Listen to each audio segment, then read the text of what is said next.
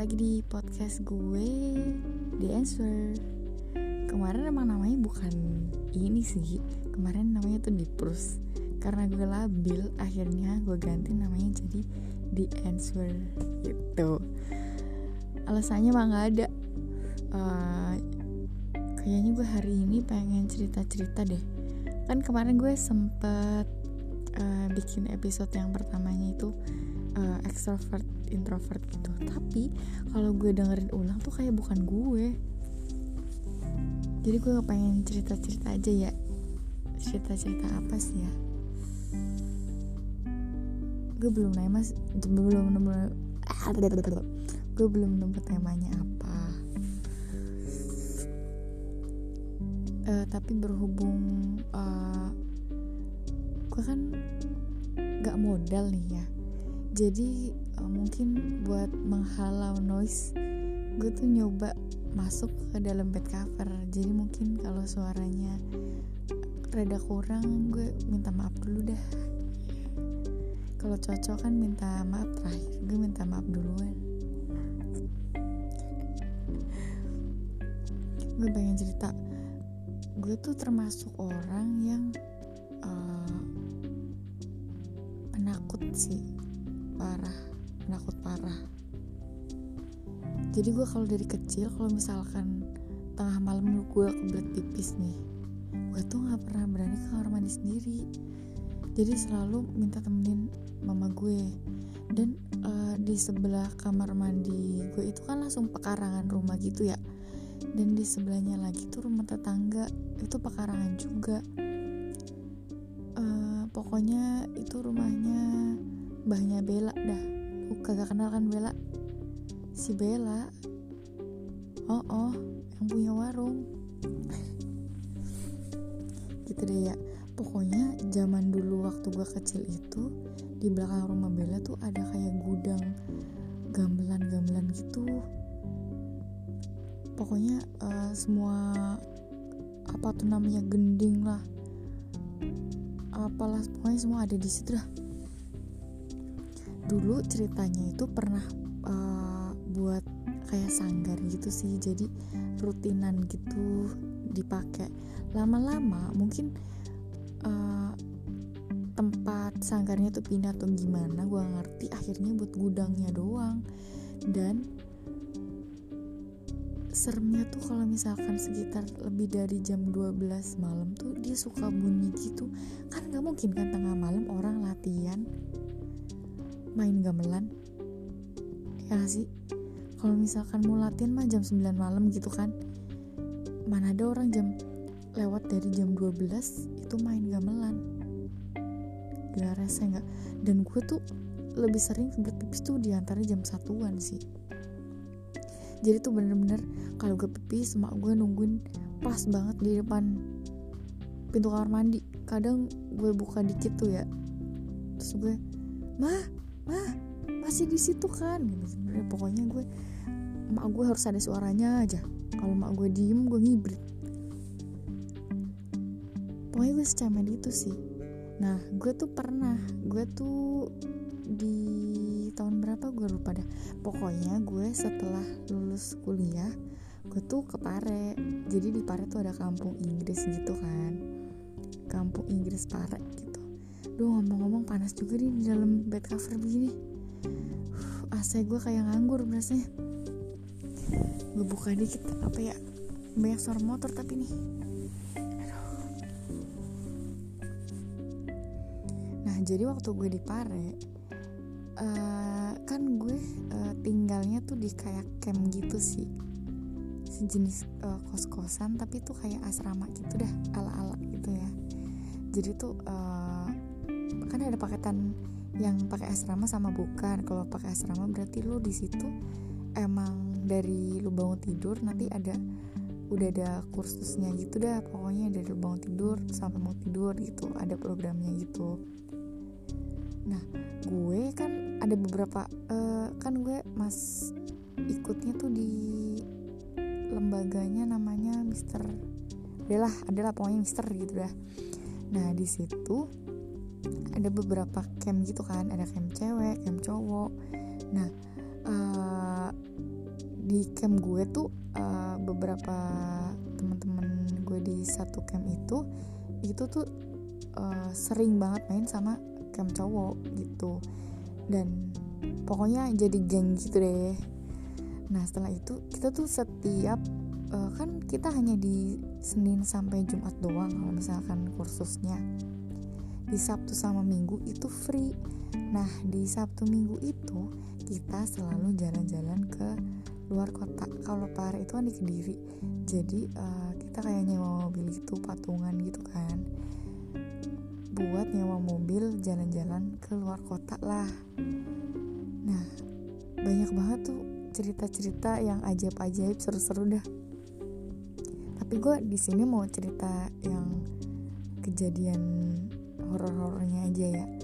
Kan gue selama ini gue bukan orang yang peka gitu loh yang kayak gue merasakan ada apa getaran ada bayangan ada bisikan. Kagak gue gue bener-bener nggak pernah rasain kayak gitu kayak gituan. Nah tapi seumur hidup gue uh, ngalamin kejadian aneh tuh bener-bener kayak di pare. Jadi suatu ketika kita kan jalan-jalan waktu itu ke mana? Mau ke Surabaya ke Surabaya atau ke mana gitu deh. Jadi uh, eh, FYI aja deh ya for your information.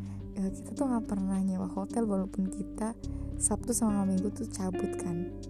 Jadi kita kadang tidur di Alfamart terus di mobil atau di pinggir pantai atau di eperan toko yang ditutup. Pokoknya gitu deh seru banget gue juga gak nyangka kenapa gue bisa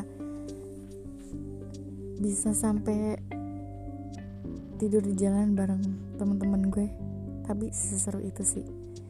Dan suatu ketika uh, kita tuh pernah mau ke mana ya? Surabaya. Tadi gue bilang Surabaya ya.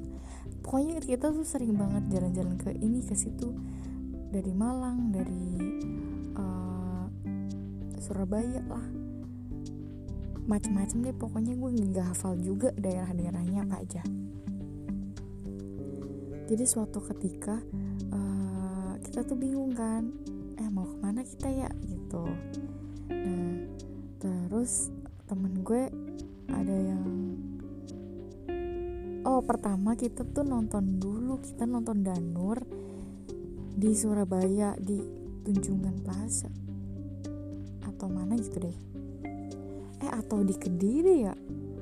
Atau kita di Kediri sih nontonnya gue lupa. Pokoknya kita tuh nonton Danur. Di situ temen gue tuh ada tuh si si Zen tuh ngomong macem-macem di dalam mobil gitu.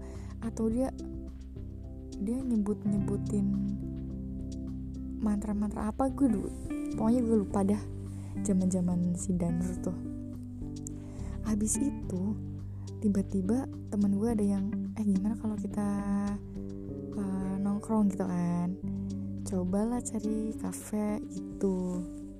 Chill chill man. Cobalah cari. Nah tiba-tiba kita muter-muter kita browsing.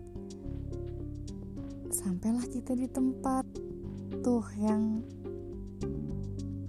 sok-sok kafe lah gitu. Eh ternyata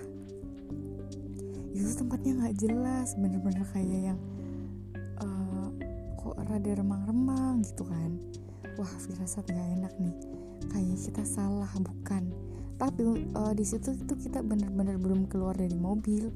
Dan di situ tuh kondisinya kanan kiri bener-bener sepi kayak bangunannya aja jarang gitu kan. Nggak tahu sawah sawah-sawah atau uh, kayak semak-semak pekarangan-pekarangan gitu deh. Mogok lah mobil. Dari situ kita tuh bingung gimana ya uh, cara benerinnya gitu kan. Kita kan gak ada yang ngerti dan posisinya tuh udah kayak tengah malam gitu. Kita harus ke mana nggak tahu bengkel juga nggak tahu di mana. Di situ tempatnya tuh sepi bener-bener sepi. Udahlah akhirnya kita coba mobilnya tuh kayak dipanas. Gue ngerti dah pokoknya diapain gitu kan. Di situ gue tuh buka pintu kan. Gue buka pintu tiba-tiba gue ketetesan kayak air air air wangi gitu kayak air mawar gitu. Pokoknya bunga apalah bunga yang buat orang meninggal tuh apa dah namanya? Kantil kenanga gue gak ngerti lupa lupa di situlah terus mulai ya kok perasaan kita gak enak ya. Nah terus abis itu kok gue nyium beginian yaudah nggak apa-apa lah kita nggak apa-apa. Setelah itu udah kejadian uh, teman gue apa gue nggak tahu. Pokoknya ke, pas udah mobilnya udah bisa jalan terus kita ku terus kita ke Alfamart Alfamart atau Indomart gitu deh. Ke situlah nah terus uh, pipis kan kita. Itu nggak tahu gue kejadian runtutan yang itu juga setelah itu atau di pekan-pekan selanjutnya kita jalan-jalan ya. Kita ke Alfamart. Terus kita nebang pipis dong di situ. Dan uh, tahu nggak? Waktu kita pipisan gantian-gantian kan. Eh gue dulu gue dulu. Ya udah ada yang uh, ke kamar mandi bertiga ada yang nunggu di depan dua gitu kan waktu kita pipis itu waktu gue pipis atau temen gue pipis eh temen gue pipis di kamar mandi gue nunggu di depannya. Kan pintunya tuh dari seng gitu kan. Nah tiba-tiba uh, si pintu kamar mandi itu gelutak gelutak gelutak kayak ada yang nendang gitu padahal temen gue posisinya dia tuh lagi lagi baru lagi pipis gitu terus teman gue yang di dalam eh lu jangan gedor jangan yang gedor-gedor pintu dong gitu kan. Padahal posisinya gue sama temen gue yang di luar itu nggak ngapa-ngapain dan posisinya jauh banget dari si pintu itu. Coba siapa yang nendang? Serem banget gak lo dan teman gue juga satunya katanya dia tuh di dalam uh, kamar mandi tuh lihat kayak ada bayangan gitu. Bayangan hitam atau apalah gue lupa dia cerita pokoknya. Setelah itu akhirnya kita pipisnya bener-bener kayak yang lu udah belum? Bener-bener kayak saling nemenin gitu sih. Sebelumnya kita tuh uh, gue sama teman gue ada cewek. Itu kebelet pipis banget kan. Kita nggak nemu apa-apa nggak nemu tempat apa-apa buat pipis terus uh, nemulah pol polsek atau polres gitu. Terus kita kayak aduh nggak nggak tahan banget. Harus gimana? Nggak bisa juga dimasukin botol coy. Dari situ kita udahlah kita coba uh, nemeng pipis di polsek atau di polres.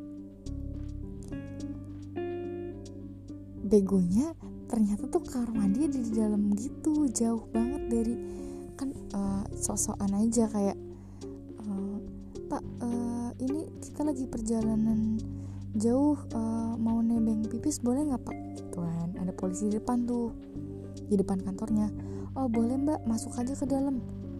Ya gila loh jadi uh, arah ke dalamnya itu jadi di dalamnya itu kayak lapangan gitu kan kayak outdoor langsung. Tapi arah jalan ke outdoornya itu ke lapangan itu bener-bener banyak tahanan gitu. Jadi kayak sel-selnya itu di jalan yang arah mau masuk ke lapangan gak berani dong gue sama teman gue. Dan di lapangannya tuh ada patung patung apa gitu patung hewan gitu sementara di situ bener-bener kayak yang serem terus ada bau-bau wangi gitu. Akhirnya gue sama temen gue lari dong. Langsung lah kita uh, balik lagi tuh ke mobil. Nggak nggak terlalu serem ya buat lu ya, ya udahlah gue udah cerita lagi. Jadi suatu saat itu uh, kan ada teman gue kuliah namanya pokoknya ketua kelas gue waktu gue kuliah AA si AA jadi si AA itu uh, kursus juga tuh di Pare tapi posisinya beda beda lembaga sama gue. Gue cuma mau ketemu aja gitu kan. Jadi gue pertama kali masuk ke Pare itu gara-gara dia dia masuk duluan tuh ke sana. Terus gue kayak ya gue gabut gue kepengen ikut juga. Akhirnya gue nyusul lah ke sono. Tapi tetap kita tuh beda angkatan gitu loh. Nah terus uh, si AA tuh ceritanya mau pulang besoknya atau mau apa gitu deh. Nah dari situ gue ngajak ketemu lah si AA. Nah waktu itu gue masih ada gue ada temen temen deket gitulah temen deket gue di Pare. Gak usah disebutin nama deh. Uh, jadi kita tuh ceritanya mau ke uh, deket ke dekat lembaganya dia gitu kita ketemu makan makan aja gitu makan ayam. Gue naik sepeda lah jadi kalau di Pare itu uh, mayoritas semuanya tuh uh, kita nyewa sepeda buat ke mana-mana buat kursus lah buat apalah gitu kan. Nggak yang kayak jalan kaki atau pakai motor soalnya kan kita kebanyakan itu dari luar kota dan nggak mungkin bawa motor dong dan kalau nyewa motor mahal. Jadi kita tuh banyak yang uh, banyak penyewaan sepeda. Jadi gitu kita kayak nyewa sepeda sebulan gitu gitu naiklah uh, sepeda kita. Nah gue tuh sempet lewat uh, ada satu lembaga gitu kan. Itu tempatnya tuh bener-bener sepi terus kayak yang uh, apa banyak pohon-pohon tinggi terus tempatnya gelap banget gitu. Nah terus dari situ gue jalan tuh uh, gue naik sepedanya tuh masing-masing gitu sisihan. Nah di situ pas di belokan kan ada belokan gitu kan uh, belok terus baru lurus gitu. Jadi kayak 90 derajat gitu belokannya.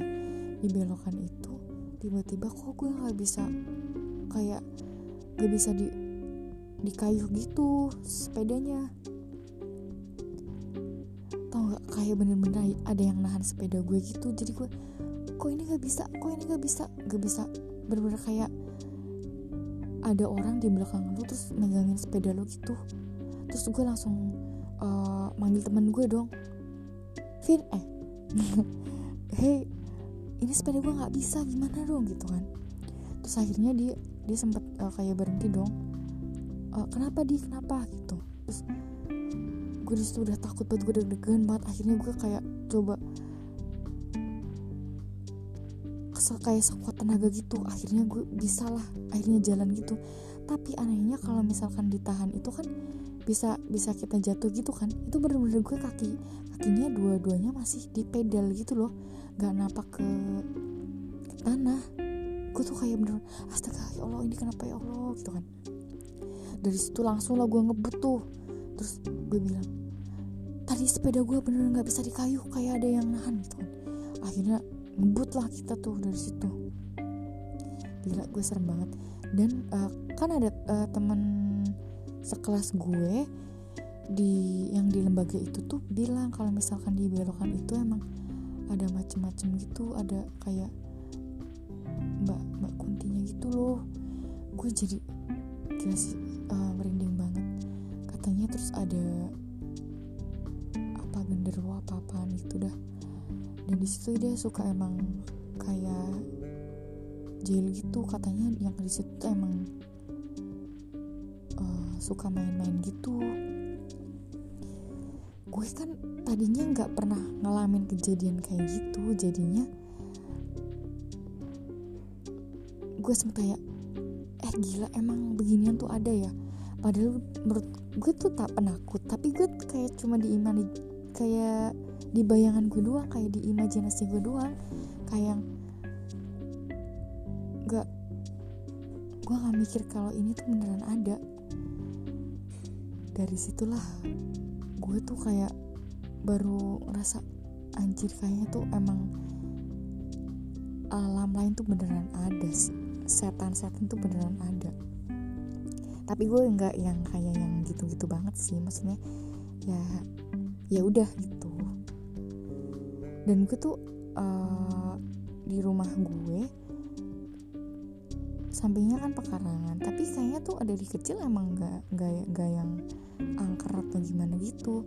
Tapi gue tuh uh, kalau tidur sendiri di di kamar tengah kan ada di kamar tengah gue tuh kayak uh, jarang kan sebelumnya dipakai sama kakak gue yang pertama tapi setelah dia nikah tuh nggak ada yang pakai akhirnya gue waktu zaman SMA gitu gue tidurnya di situlah sendiri dong. Gue tuh sering kayak mulai sering ketindihan gitu. Lu pernah gak sih uh, ngerasain ketindihan? Jadi tuh kayak lu tuh uh, kayak entah lu tidur atau sadar tapi lu tahu lu lu tuh lagi berbaring. Tapi nyawa lu tuh bisa ngelihat uh, keadaan ruangan gitu. Dan di situ lu bener-bener nggak bisa gerak kayak kaku semuanya kaku. Terus sesek kayak mau nafas aja sesek terus nggak bisa ngomong. Kayak dicekik gitu loh itu sih menurut gue udah kayak serem banget gitu kan. Maksudnya kayak anjir gue kayak mati mati rasa bener-bener kaku gue nggak bisa ngapa-ngapain. Tapi yang lebih seremnya itu kalau ada bayangan-bayangan cuy. Misalkan tiba-tiba kayak ada bayangan gelap lah terus lu rasanya kayak lagi dibung kayak lagi dibungkam gitu.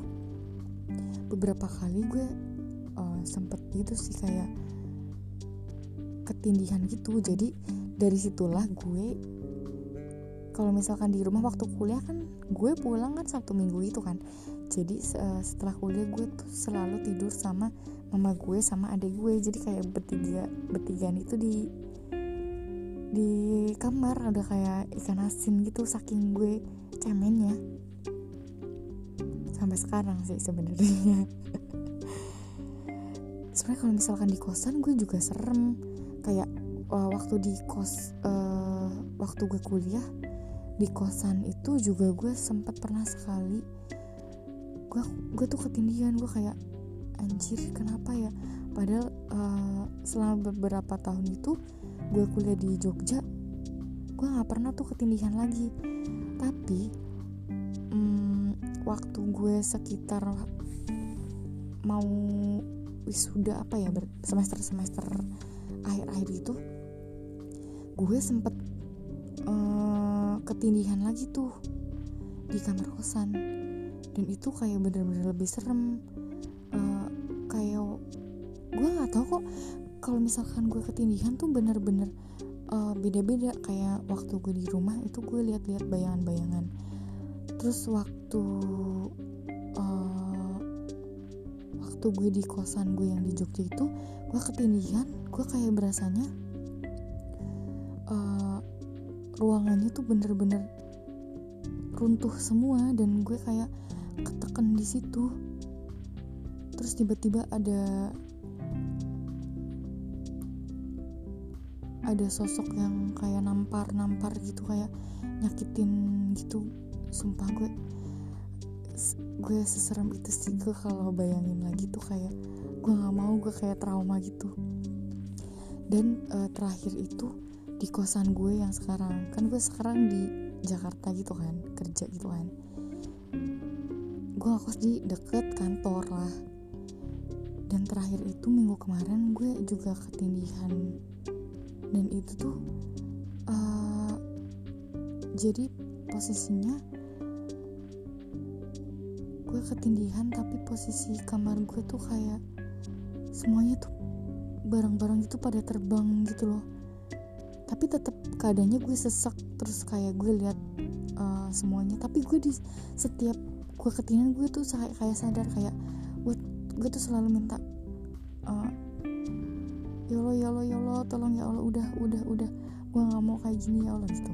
Kayak cepetan sadar cepet pokoknya gue mau sadar gitu kalau enggak uh, tolong ada yang bangunin gue gitu gitu kalau misalkan lu pada kayak gitu juga gak sih? Maksudnya ketika lu ketindihan lu tuh sadar kalau lu lagi ketindihan dan lu kayak harus minta tolong gitu buat bangun.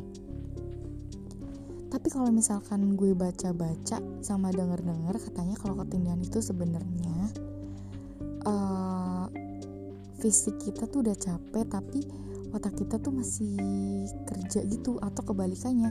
Jadi otak kita udah kayak pengen istirahat tapi fisik kita tuh masih on gitu loh. Gue sih sebenarnya nggak tahu uh, sebenarnya kalau misal ketindihan tuh fenomenanya tuh gimana? Emang karena ada hal-hal goib atau uh, karena ya itu uh, fisik sama psikis kita tuh gak sinkron gitu? Kalau lu gimana? Udah deh ya ceritanya gue uh, udah kepanasan gila anjir ya Allah. Ini gue mau buka bed cover nih udah gue nggak nggak bisa napas coy. Dadah. See you next time. Bye